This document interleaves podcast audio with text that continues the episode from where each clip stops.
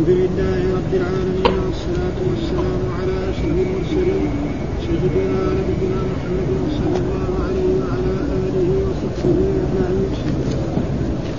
قال الإمام أبو الحسين مسلم بن الحجاج رحمه الله باب تحريم مكة وتحريم صيدها وخلاها وشجرها ودقتها إلا لمنشد على الدوام قال حدثنا إسحاق بن إبراهيم الحمري اخبرنا جرير عن منصور عن مجاهد عن طاووس عن ابن عباس قال قال رسول الله صلى الله عليه وسلم يوم الفتح فتح مكة لا هجرة ولكن جهاد ونية وإذا استنفرتم فانفروا وقال يوم الفتح فتح مكة إن هذا البلد حرمه الله.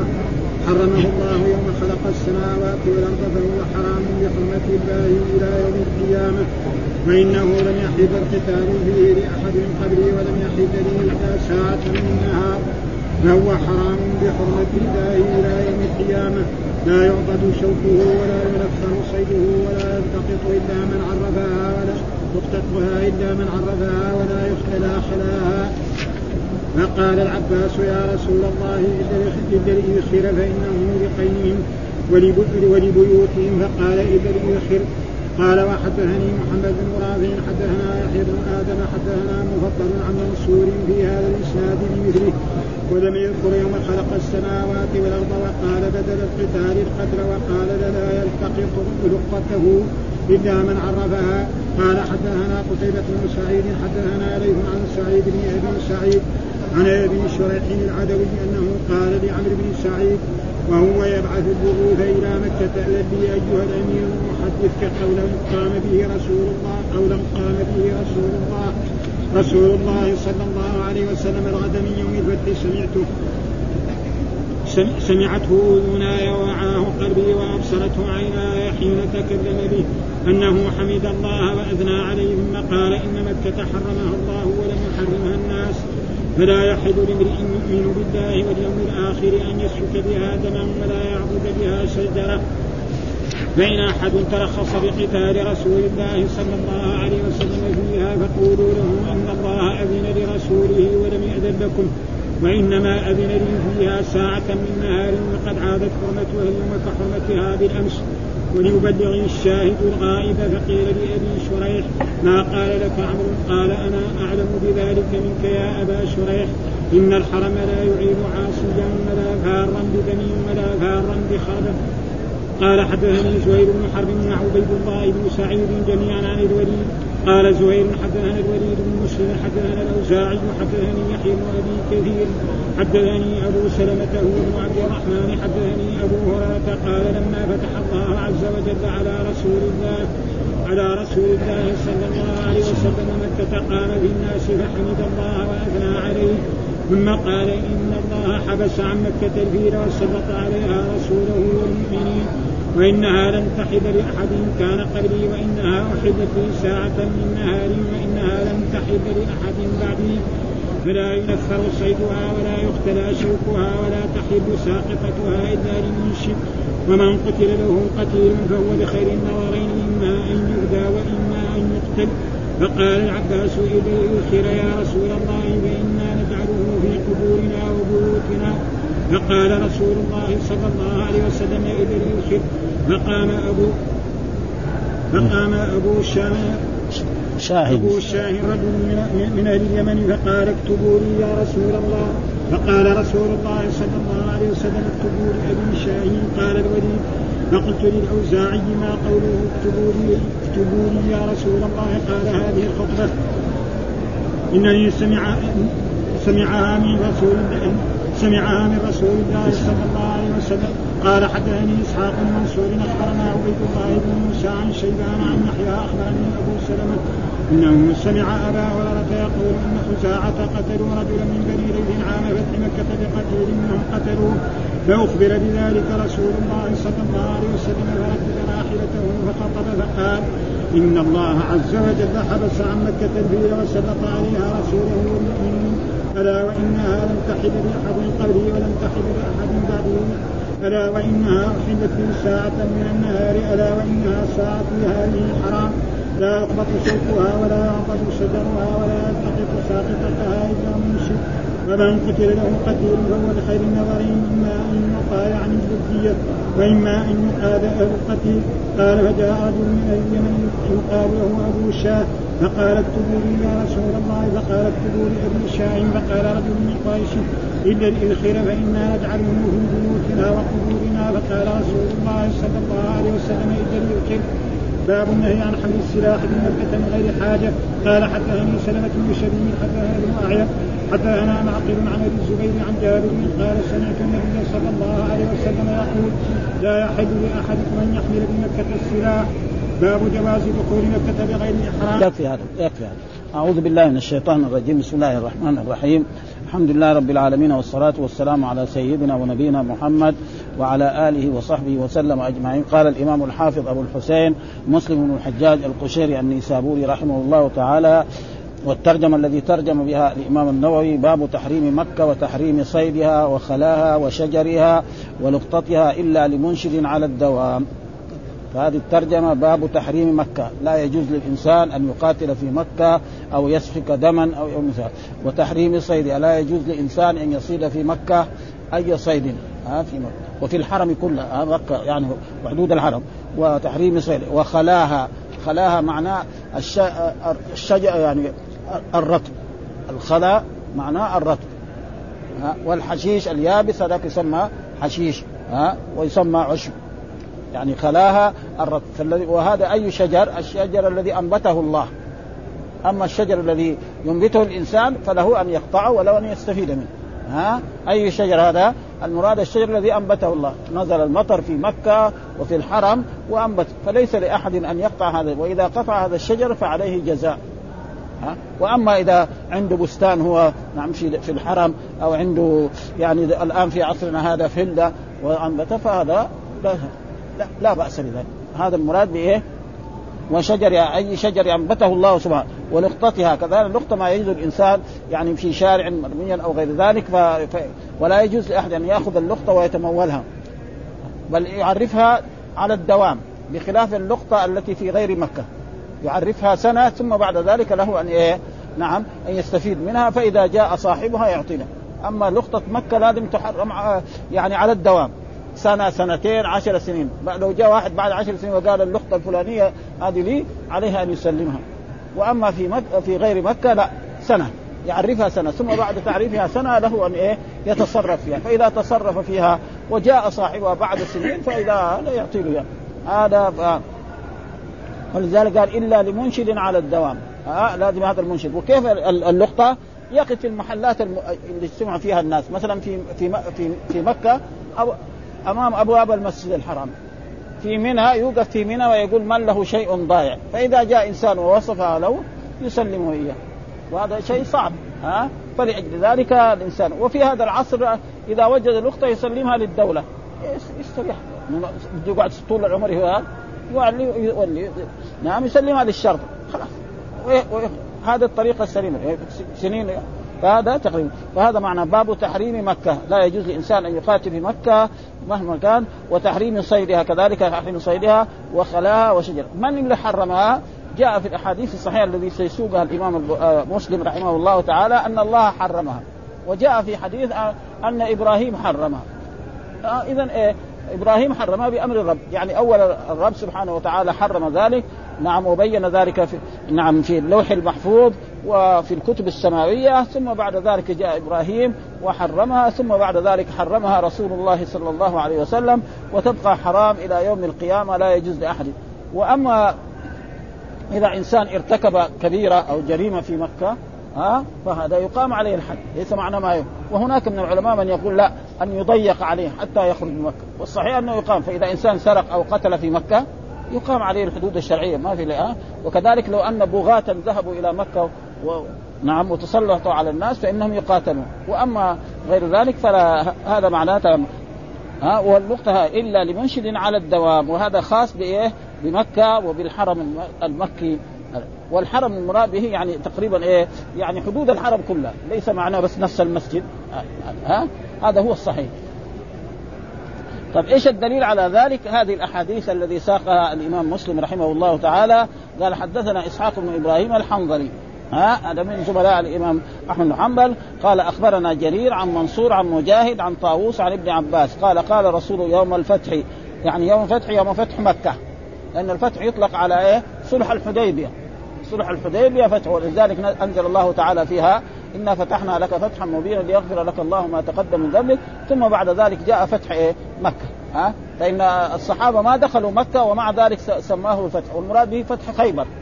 فإن بعد عام ستة دغري لما انتهى عام ستة وإذا به نعم فتح الرسول مكة آه يعني آه خيبر ودخلها و ويقول الصحابة رضوان ما شبعوا من التمر إلا بعد فتح خيبر. ثم بعدها في عام ثمانية نعم فتح الرسول دخل مكة منتصرا على قريش. و... ها لا هجرة فتح مكة لا هجرة ولكن جهاد ونية. قال قال رسول الله يوم, الفتح فتح مكة لا هجرة ولكن جهاد ونية لا هجرة بعد الفتح ما في ما في, ما في لا هجرة بعد الفتح. لا هجرة ولكن جهاد ونية يعني لا هجرة من مكة إلى بلد إيه إلى المدينة. هذا معنى. وأما من بلاد الشرك إلى بلاد الإسلام ومن بلاد البدعة التي يدعو إليها هذا فهذا باقي إلى يعني شخص بعد ما فتحت مكة وصارت بلاد إسلامية يقول لا يبغى يهاجر إلى المدينة. ما في حاجة يهاجر إلى المدينة في ذلك العهد. آه لأن مكة اصبحت بخلاف أول. أي إنسان أسلم يجب عليه أن يهاجر إلى المدينة لأن الرسول صلى الله عليه وسلم في المدينة وهو المشرع وعليه الأحكام الشرعية تنزل فإذا ما ساف ما هاجر يبقى مسلم ليس له من الغنيمة وليس له من الفي حتى يهاجر. هذا كان إيه؟ ولكن جهاد يعني ولكن جهاد يعني إذا السلطان الحاكم الشرعي قال لك أخرج للجهاد فاخرج معه. ونية يعني نية إلى كل خير ومعناه لكن طريق إلى حصول الفضائل. ها؟ ونية الخير في كل شيء. ها؟ كن نيتك وجاء في الأحاديث إنما الأعمال بالنيات وإنما لكل امرئ ما نوى. ثم بعد ذلك وإذا استنفرتم فانفروا. وإذا استنفرتم يعني طلب منكم الحاكم السلطان الشرعي ها؟ للجهاد فاخرجوا. هذا يعني. وقال يوم الفتح فتح مكة إن هذا البلد. المراد بالبلد معناه مكة. المراد ولذلك الله يقسم بها.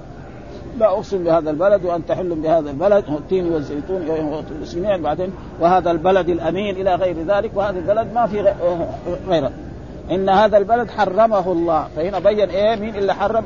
الله سبحانه وتعالى. وما حرمه الله؟ نعم. يوم خلق السماوات والأرض. قبل أن يخلق آدم ويخلق كل الناس ويخلق السماء والأرض يوم خلق السماوات والأرض فهو حرام. لا يجوز الإنسان يسفك فيها دما آه حرام بحرمة الله يوم القيامة. وإنه لم يحل القتال فيه لأحد قبلي. ما أحل لأحد قبل من الأنبياء لا لنوح ولا لإبراهيم ولا لموسى ولا لعيسى وإنما أحل لي ساعة. ومعنى ساعة يعني وقت من النهار. ليس معنى الساعة الزمنية التي عندنا ستين دقيقة. الساعة المراد به وقت. وهذا دحين اصطلاح جديد يعني. ها? يعني أحل الله لمحمد صلى الله عليه وسلم عندما دخل مكة عام الفتح يوم عشرين تقريبا من رمضان من عام ثمانية أن يقاتل. من قاتله يقاتل. فقاتل الرسول وقتل بعض أصحاب رسول الله صلى الله عليه وسلم بعض ناس من الكفار والمشركين وقتل ناس من أصحاب الرسول صلى الله عليه وسلم آه قبلي ولم يحل إلا ساعة فهو حرام آه بحرمة الله إلى يوم القيامة. آه فلا يجوز لإنسان أن يسفك الدماء فيها أو يفعل هذه. ولا يعضى كشوكة. قد الشوك يعني ما يجوز إيه يخرج. وهناك من العلماء من قالوا لا أن الشوك إذا كان شوك. وهذا بيوجد كثير يعني. يعني رأينا الحجاج مثلا في أيام منى ها أو في أي في عرفة. يجي شجر فيه شوك. كيف يحط خيمته؟ يحط خيمته يجلس على الشوك؟ ها؟ ها؟ مشكلة هذا. فبعض العلماء قالوا إنه هذا إيه؟ زي ما أحل الله سبحانه وتعالى خمس يختلن في الحل والحرم. فذكر منها إيه؟ الكلب العقور والعقرب والحية. فهذا من وبعضهم يقول حتى الشوك يترك ابدا. ها يروح يدور له محل آخر. ها, ها؟ ولا ينفر صيده كذلك إذا كان صيد ها طائر جالس في مكان ليس له أن إيه؟ يطرد ويجلس هو. فإذا نفر هذا الصيد وأصيب هذا الصيد بأن مات أو انهلك فعليه إيه؟ عليه يعني يؤدي يعني بدل ها القيمة. لازم عليها ولا يلتقط كذلك اللقطه إلا من عرفها. ولا يختلى خلا. إيش الخلا؟ يعني النبت الرطب. ها زي الحشيشة إيه؟ الرطب. هذا معنى الخلاء فقال آه العباس وهو عم رسول الله صلى الله عليه وسلم يا رسول الله إلا الإذخر. والإذخر معروف في مكة كثير وله نبت طيب الرائحة فإنه لقينهم ولبيوتهم. قينهم معناه الحدادين والصوغ فإن عندهم كير. فهذا الكير إيش يقوم النار؟ يحطوا هذا دغري دغري إيه؟ يصير وكذلك آه، يعني لبيوتهم. مثلا الناس أو البيوت السابقة بيوت من إيه؟ السقوف إيه؟ من خشب. فالخشب يكون فيه غيران. فإيش هذا؟ يقوم يغطوا هذا ويحطوا عليه الطين حتى حتى ينسل ها فقال رسول الله صلى الله عليه وسلم إلا الإذخر، طيب كيف الرسول قال هذا الإذخر؟ قال بعضهم إنه جاء الوحي، الرسول صلى الله عليه وسلم يجي الوحي في لحظة من اللحظات. فاستثنى الرسول الا وبعضهم قال إن الرسول اجتهد. ها كله ممكن. المقصود إنه قال الرسول إلا الإذخر الذي هو إيه؟ إيه؟ إيه؟ هذا نعم هذا. إلا الإذخر. ها فهذا دليل على انه هذا يعني جائز وهذا تقريبا آه، آه. ونقرأ ما قاله عشان فيها فوائد آه، كثيرة. يعني نقرأها في الشرح عشان نستفيد منها بما قاله. هذا الحديث والباقي الأحاديث كلها بمعنى واحد. ها يوم يوم الفتح فتح مكة لا هجرة ولكن جهاد ونيه قال العلماء الهجرة من دار الحرب إلى دار الإسلام باقي إلى يوم القيامة. وفي تأويل هذا الحديث قولان أحدهما لا هجرة بعد الفتح من مكة لانها صارت دار إسلام وإنما تكون الهجرة من دار الحرب وهذا يتضمن معجزة لرسول الله صلى الله عليه وسلم لانها تبقى دار لانها تبقى دار الإسلام لا يتصور منها الهجرة. والثاني معناها لا هجرة بعد الفتح فضلها كفضل قبل الفتح. معلوم أن الذين هاجروا قبل ذلك لهم أجر والذين أسلموا بعد فتح يعني بعد صلح الحديبية أجرهم أقل. وقد جاء في القرآن أن قول الله تعالى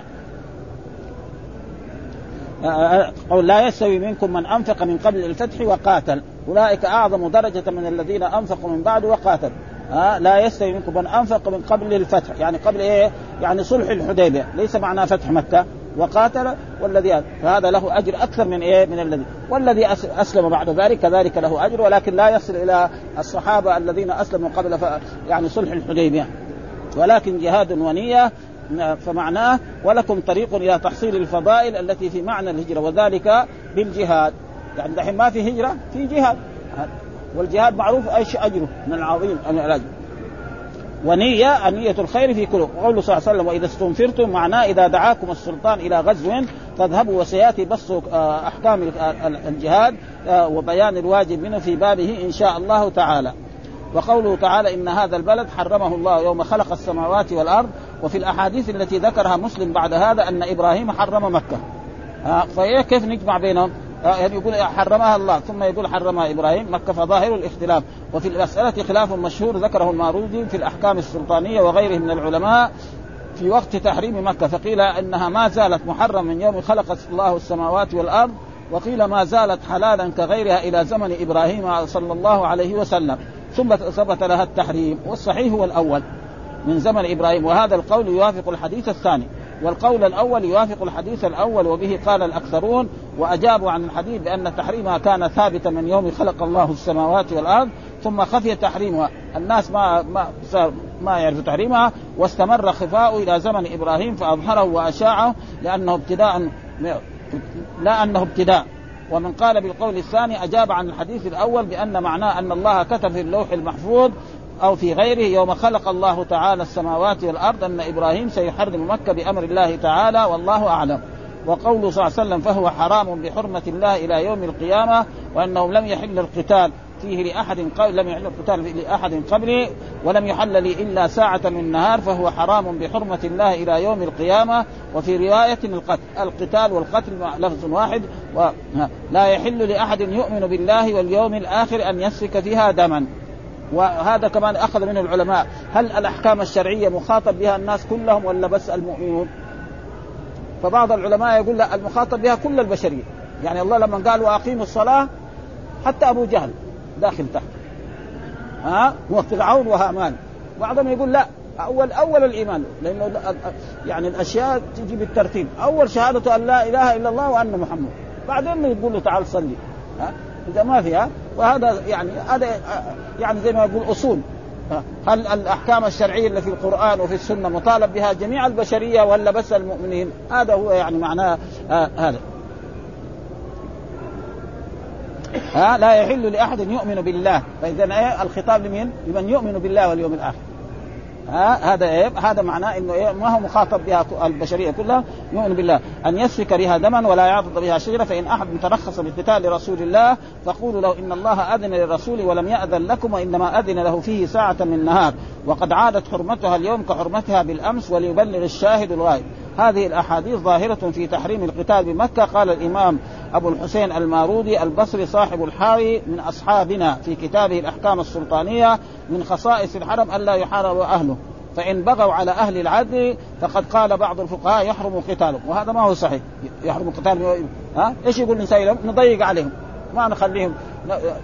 يعني ياخذوا طعام ولا شراب فبعد ذلك لما يقعد ما عندهم طعام ونحاصرهم إيش يساوي؟ يبغى يخرجوا ولا يذعنوا للايه؟ للأحكام الشرعية فلذلك آه والصحيح أنهم إذا إذا فعلوا شيء نقاتلهم ولذلك تقام الحدود في مكة، أي واحد سرق تقطع يده في مكة، أي واحد يقتل يقتل والرسول فعل ذلك وأصحاب رسول الله صلى الله عليه وسلم فعلوا ذلك ولا ولا أنا فقد قال بعض الفقهاء يحرم القتال يضيق عليهم حتى يرجع إلى الطاعة ويدخل في أحكام أهل العدل. قال وقال جمهور يقاتلون على بغيهم إذا لم يمكن ردهم عن البغي إلا بالقتال لأن قتال البغي من إيه؟ من حقوق الله التي لا يجوز إضاعتها فحفظها أولى في الحرم. ومن اضاعة من إضاعتها هذا كلام الموت وهذا الذي نقله عن جمهور الفقهاء هو الصواب. ها فإذا ناس فعلوا شيء فانهم وقد نص عليه الشافعي كتاب اختلاف الحديث من كتاب الإمام ونص عليه الشافعي أيضا في آخر كتاب مسمى بسير الواقد من كتب الأم. وقال القفال المروزي من أصحاب في كتاب شرح الترخيص في أول كتاب النكاح في ذكر الخصائص لا يجوز القتال بمكة. قال حتى لو تحصن جماعة من الكفار فيها لم يجوز لنا قتالهم فيها. وهذا الذي قاله القفال غلط.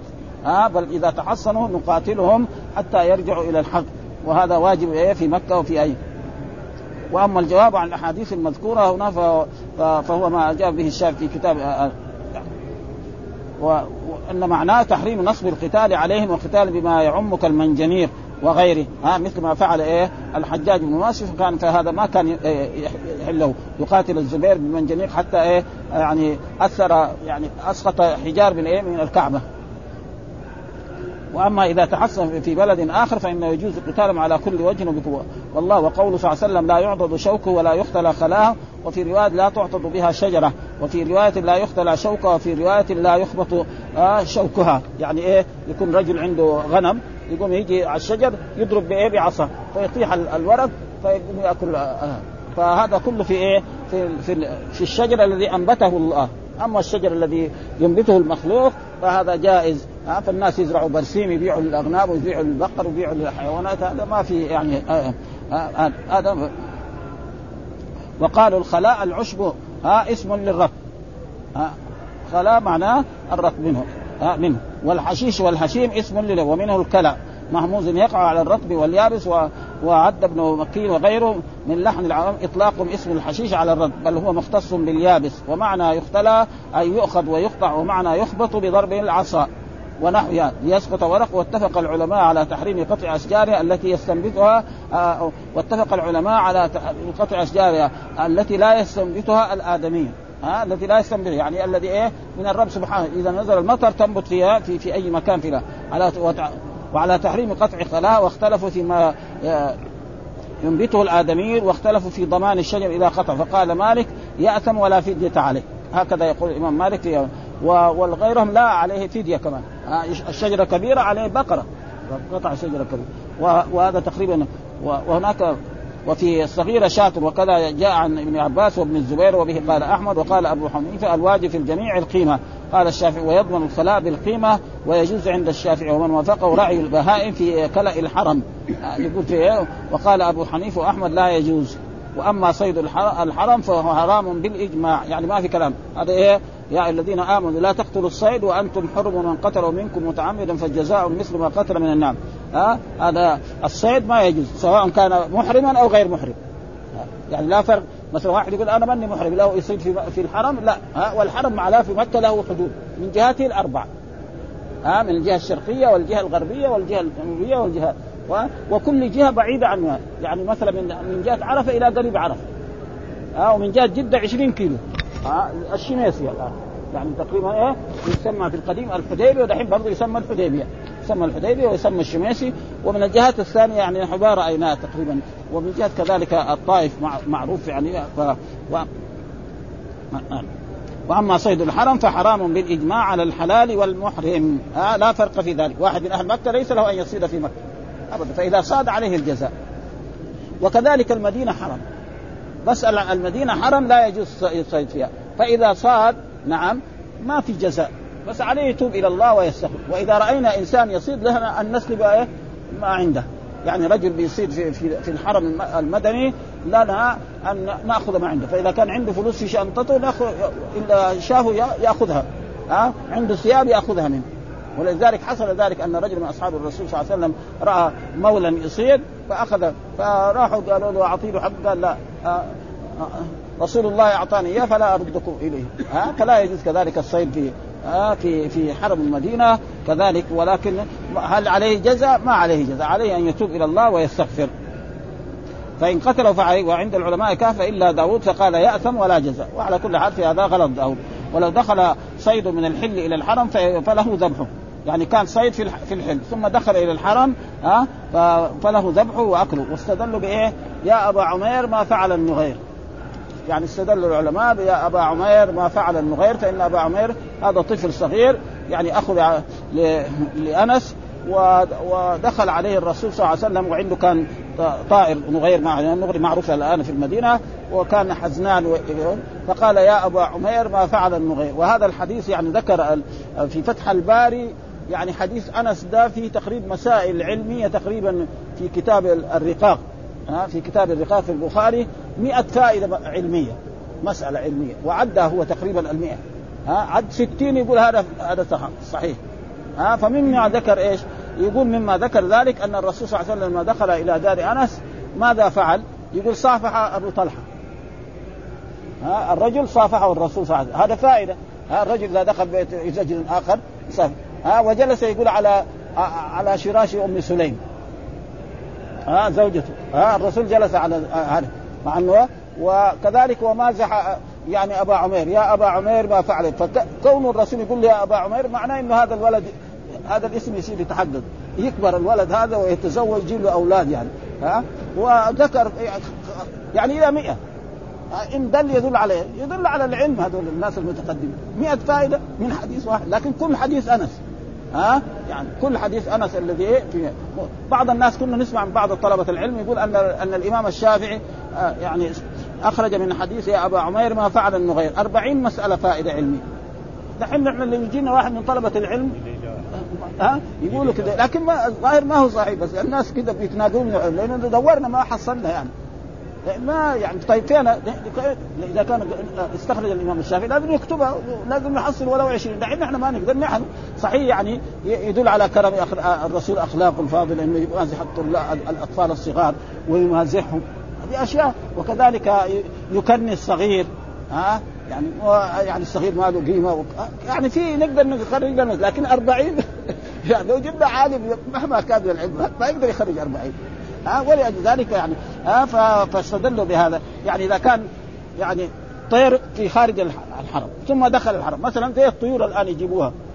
ها النغاري وال وش اسمه ده الطيور دي التي اللي بيعرف الاقساس يعني تسوى بعضها ألف ريال و2000 ريال. ها تتكلم يعني. أنا رأيت يعني يعني طير باعوه ب 2000 ريال يتكلم تقريبا يعرف يقول يا فلان يا فلان ابدا ابدا فهذا يقول يعني لو واحد ذبحه بعد بعد لأنه كان هو في الخارج فدخل له أن يقول مثل هذه ها؟ وقال أبو حنيفة لا يجوز ذبحه ولا التصرف به يلزمه إرساله.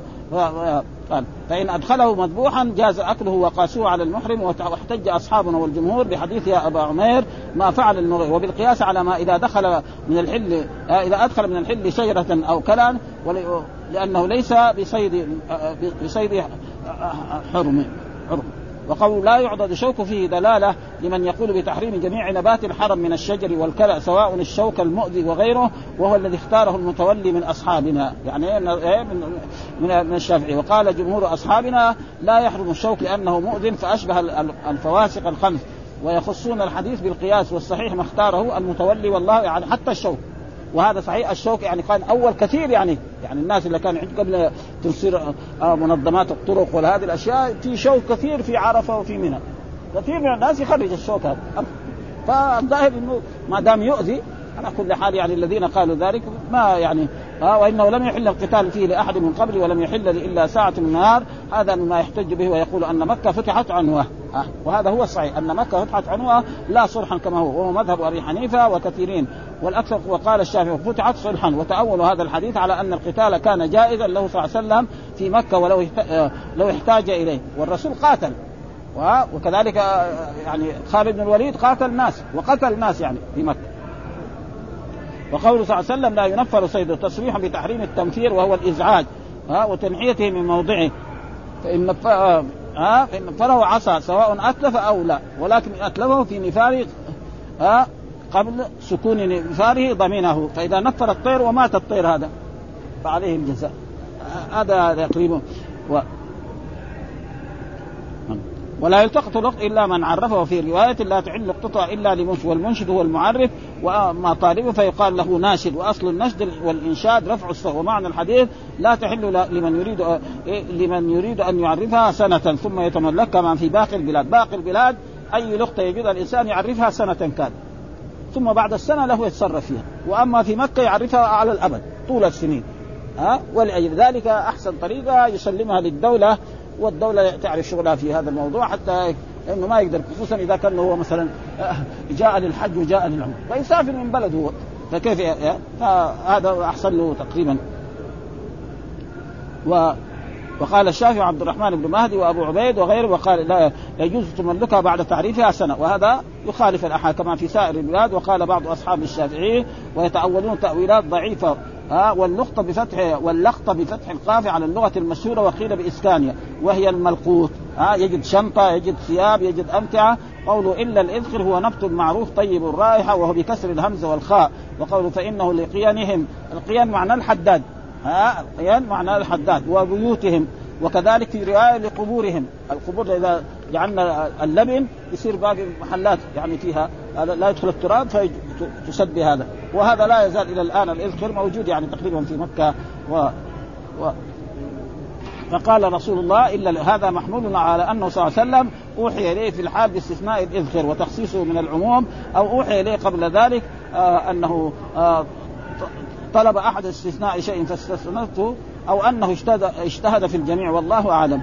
وقول عن أبي شريح العدوي ثم ذكر الحديث ده إلا من عرفه قال حدثنا قتيبة بن سعيد حدثنا ليس عن سعيد بن أبي سعيد عن أبي شريح العدوي أنه قال لعمرو بن سعيد وهو يبعث البعوث إلى مكة إذن لي أيها الأمير أحدثك قولا قام به رسول الله صلى الله عليه وسلم الغد من يوم الفتح سمعته اذناي ووعاه قلبي وأبصرته عيناي حين تكلم بانه حمد الله وأثنى عليه فإن مكة حرمها الله ولم يحرمها الناس لا يحل لامرئ يؤمن بالله واليوم الآخر أن يسفك بها دما ولا يعضد بها شجرة.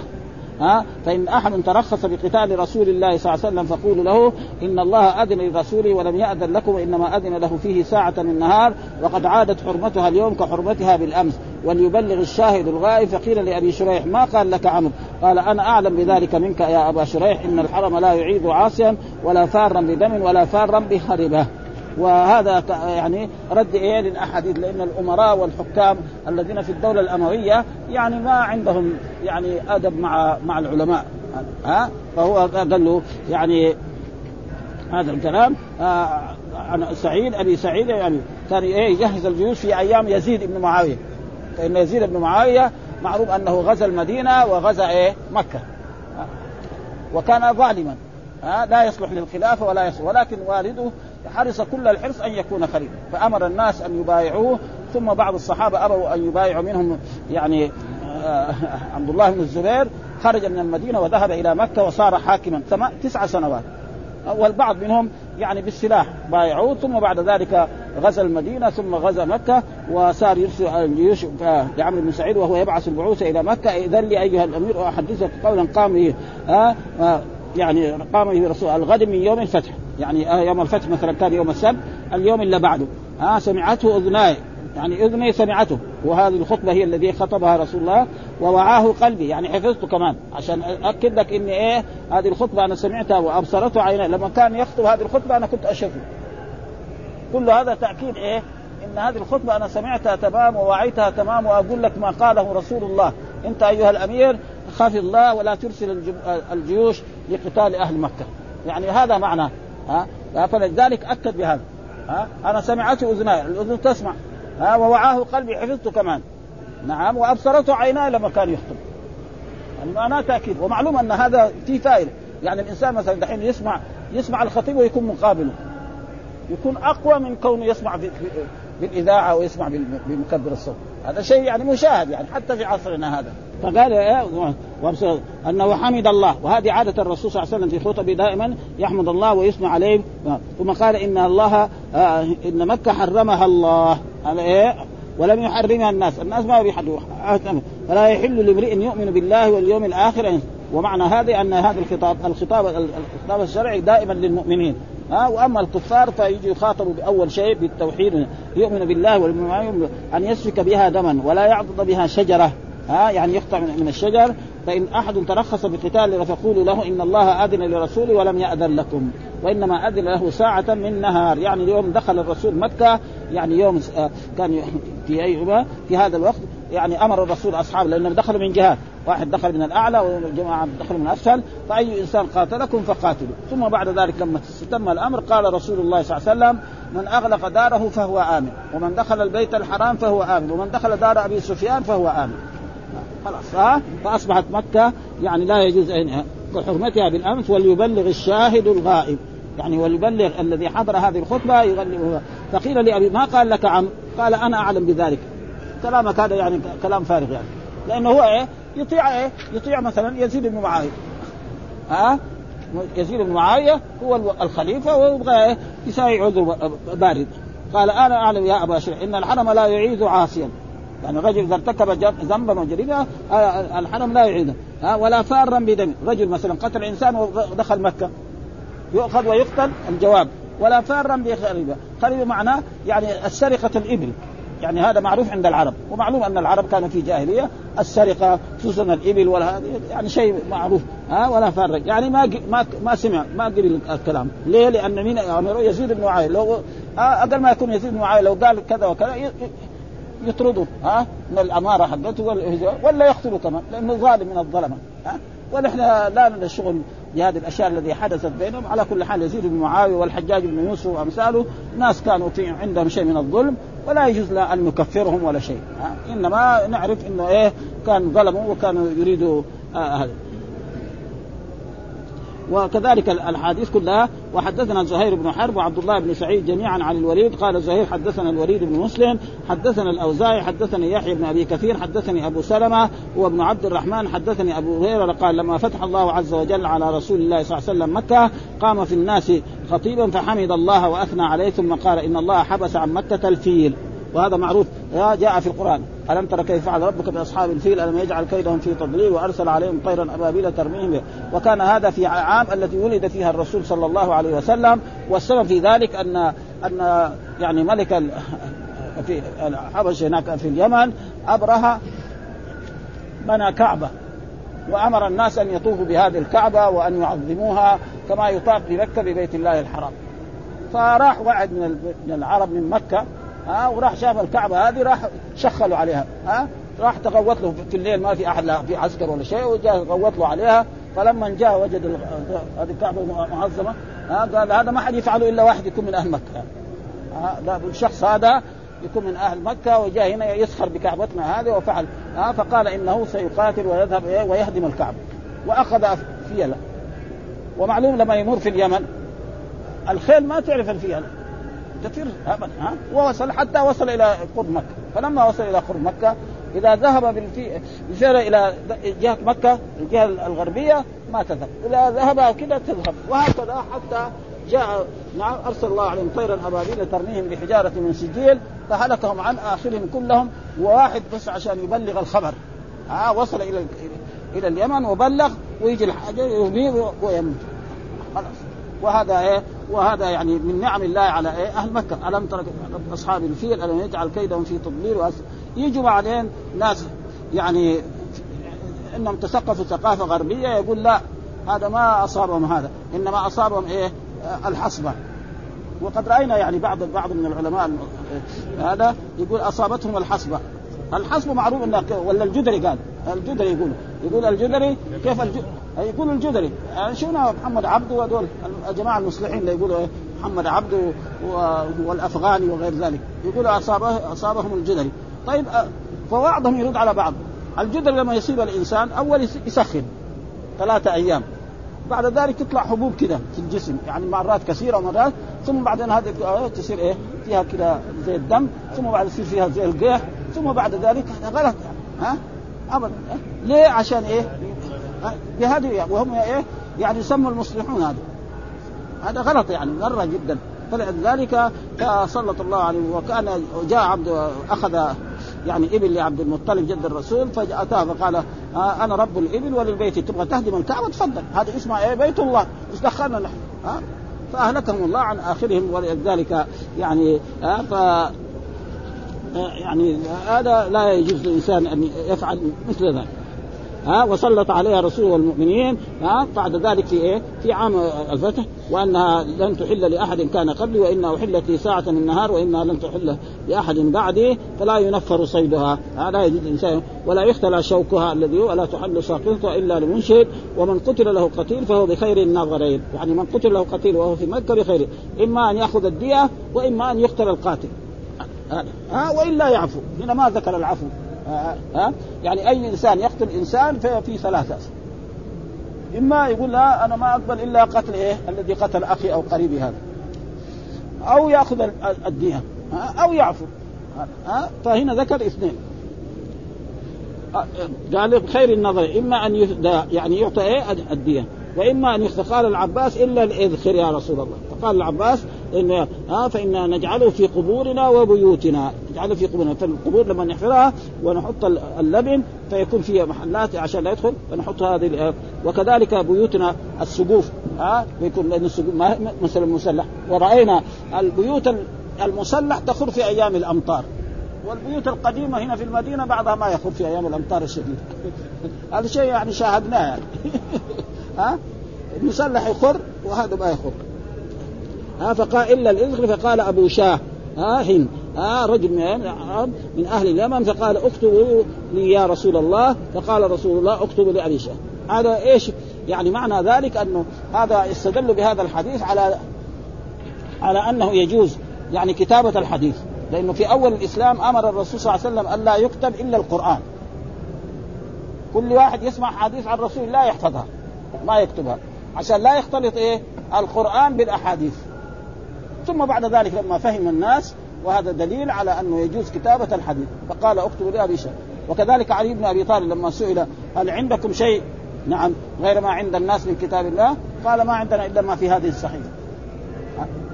وهذا دليل على أنه يجوز كتابة الحديث ولذلك بعد ذلك يعني كتب الحديث. هذه الكتب الموجودة عندنا الآن صحيح البخاري في مسلم أبو داود الترمذي النسائي كتب الدنيا كلها موجودة.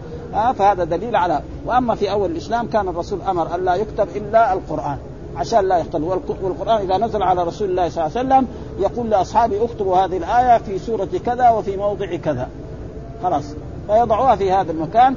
ثم بعد ذلك تجي الآية الثانية أو هذا في موضع كذا في وكان ترتيب الآيات هذا زي ما يقولوا بالنص.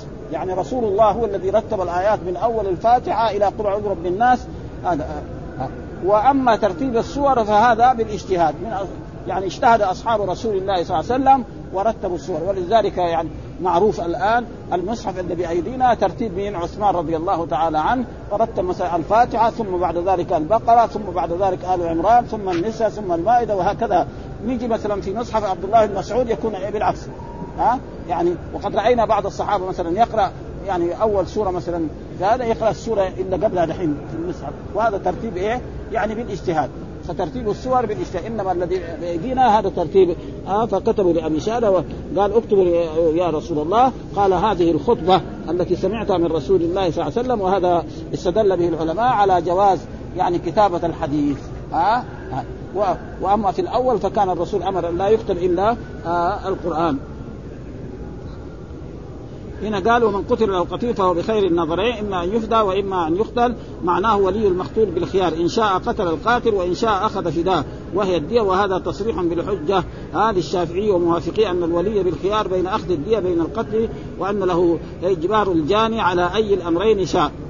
ولي القتل وبه قال سعيد بن المسيب وابن سيرين وأحمد وإسحاق وأبو ثور وقال مالك ليس الولي إلا القتل والصحيح الاثنين.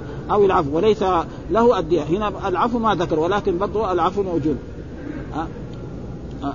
ولا إلا برضا الجاني. وهذا خلاف نص هذا الحديث وفيه أيضا دلالة لمن يقول القاتل عمدا يجب عليه أحد الأمرين. القصاص أو الدية وهو أحد القولين للشافعي والثاني أن الواجب القصاص لا غير وإنما تجب الدية بالاختيار وتظهر فائدة الخلاف في صور منها. لو عفى الولي عن القصاص إن قلنا الواجب أحد الأمرين سقط القصاص. خلاص آه إذا عفى ووجبت الدية. آه وإن قلنا الواجب القصاص بعينه لم يجب قصاص ولا دية وهذا الحديث محمول على القتل عمدا. وأما القتل خطأ فهذا فيه إيه؟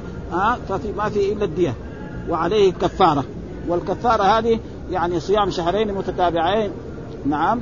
آه أو آه من يقتل مؤمنا متعمدا فجزاء آه من يقتل مؤمنا متعمدا ها؟ الآية ومن يقتل مؤمنا متعمدا فجزاؤه جهنم خالدا فيها وغضب الله عليه ولعنه وعده. لا هناك ما كان وما كان يقتل مؤمنا إلا خطأ ومن قتل مؤمنا خطأ فتحرير رقبة مؤمنة أو دية مسلمة إلى أهله وتحديد رقبة. فمن لم يجد فصيامه شهرين متتابعين؟ إما الدية أو شهر ها؟ ما في يعني بعضهم يعني يقول إيه إذا ما قدر يصوم 60 يوم هذا ما في في القرآن. لكن سمعنا ان بعض المشايخ وبعض إخواننا من طلبه يقولوا أن الشيخ ابن باز يقول طيب إذا ما ما, ما قدر هذا. في قتل الخطأ ما في إلا اثنين عتق رقبة أو صيام. شهرين متتابعين ما في هذا. وفي تصريح ها يعني قال كتب في هذا تصريح بجواز كتابة العلم غير القرآن ومثل حديث علي رضي الله تعالى ما عنده إلا في هذه الصحيفة ومثل حديث أبي هريرة كان عبد الله بن عمر يكتب ولا أكتب. ها فهذا دليل على انه وجاءت أحاديث بالنهي عن كتابة القرآن فمن فمن السلف منع كتابة العلم وقال جمهور السلف بجوازه ثم أجمعت الأمة بعدهم على استحبابه وأجابوا عن أحاديث بجوابين أحدهما أنها منسوخة وكان النهي في أمر في أول الأمر قبل اشتهار القرآن لكل أحد فنهى عن كتابة غيره خوفا من اختلاطه واستشباهه فلما اشتهر وامنت تلك اذن فيه. والثاني أن النهي نهي تنزيه. والصحيح أنه بعد ذلك يعني رخص رسول الله صلى الله عليه وسلم في إيه؟ هذا ها والحمد لله رب العالمين وصلى الله وسلم على لكن في أحاديث باقية برضه نقراها كلها. الحديث برضه نقراها الباقي لأن بمعناه فأخبر بذلك فركب الحديث إسحاق بن منصور وأخبرنا عبيد الله بن موسى أن رسول الله يقول إن خزاعة قتلوا رجلا من بني ليس عام فتح مكة بقتيل منهم قتلوه فأخبر بذلك رسول الله صلى الله عليه وسلم فركب راحلته فخطب الناس. ها؟ يعني حصل في مكة إنه والعرب معروف إن إذا واحد قتل ما يقتل القاتل أي واحد من قبيلته يقتله ولا تزر وازرة وزر أخرى ما يعرف هذا الكلام. وهذه لا يزال إلى الآن عادة في الإيه؟ في في, العرب في الجاهلية. ها؟ إنسان يقتل إنسان يروح أي واحد ابن عمه أو قريبه من هذا فيقتله هذا ما, ما يصح. يقول هنا وسلط عليها رسول وان ألا وإنها لم تحل لأحد قبلي ولن تحل لأحد بعدي. ألا وهذه ألا معنى حرف تنبيه. إيش معناه؟ الا يعني انتبهوا هذا معناه في اللغة العربية زي قول الله تعالى في القرآن ألا إن أولياء الله لا خوف يعني انتبهوا على وكذلك هنا الرسول يقول ألا ألا معناه انتبهوا واحفظوا هذا الحكم واعملوا به ألا وإنها أحلت لي ساعة من النهار ألا وإنها ساعتي هذه حرام لا يخبط شوكها. معناه لا يضرب يجي بعصا ويضرب الشجر يطيح الورق وياكله حيوانات وهذا لا إيه ولا يعضد شجرها ولا يلتقط إلا لمنشد ومن قتل له قتيل فهو بخير إما أن أن يعطي يعني إيه الدية ها وهي معروفة الديه يعني 100 من الإبل أو من الدنانير كذا ومن الفضة كذا ومن الثياب كذا فيها وأهم. وإما أن يقاد أهل القتيل قال فجاء رجل من أهل اليمن يقال له أبو شاهن.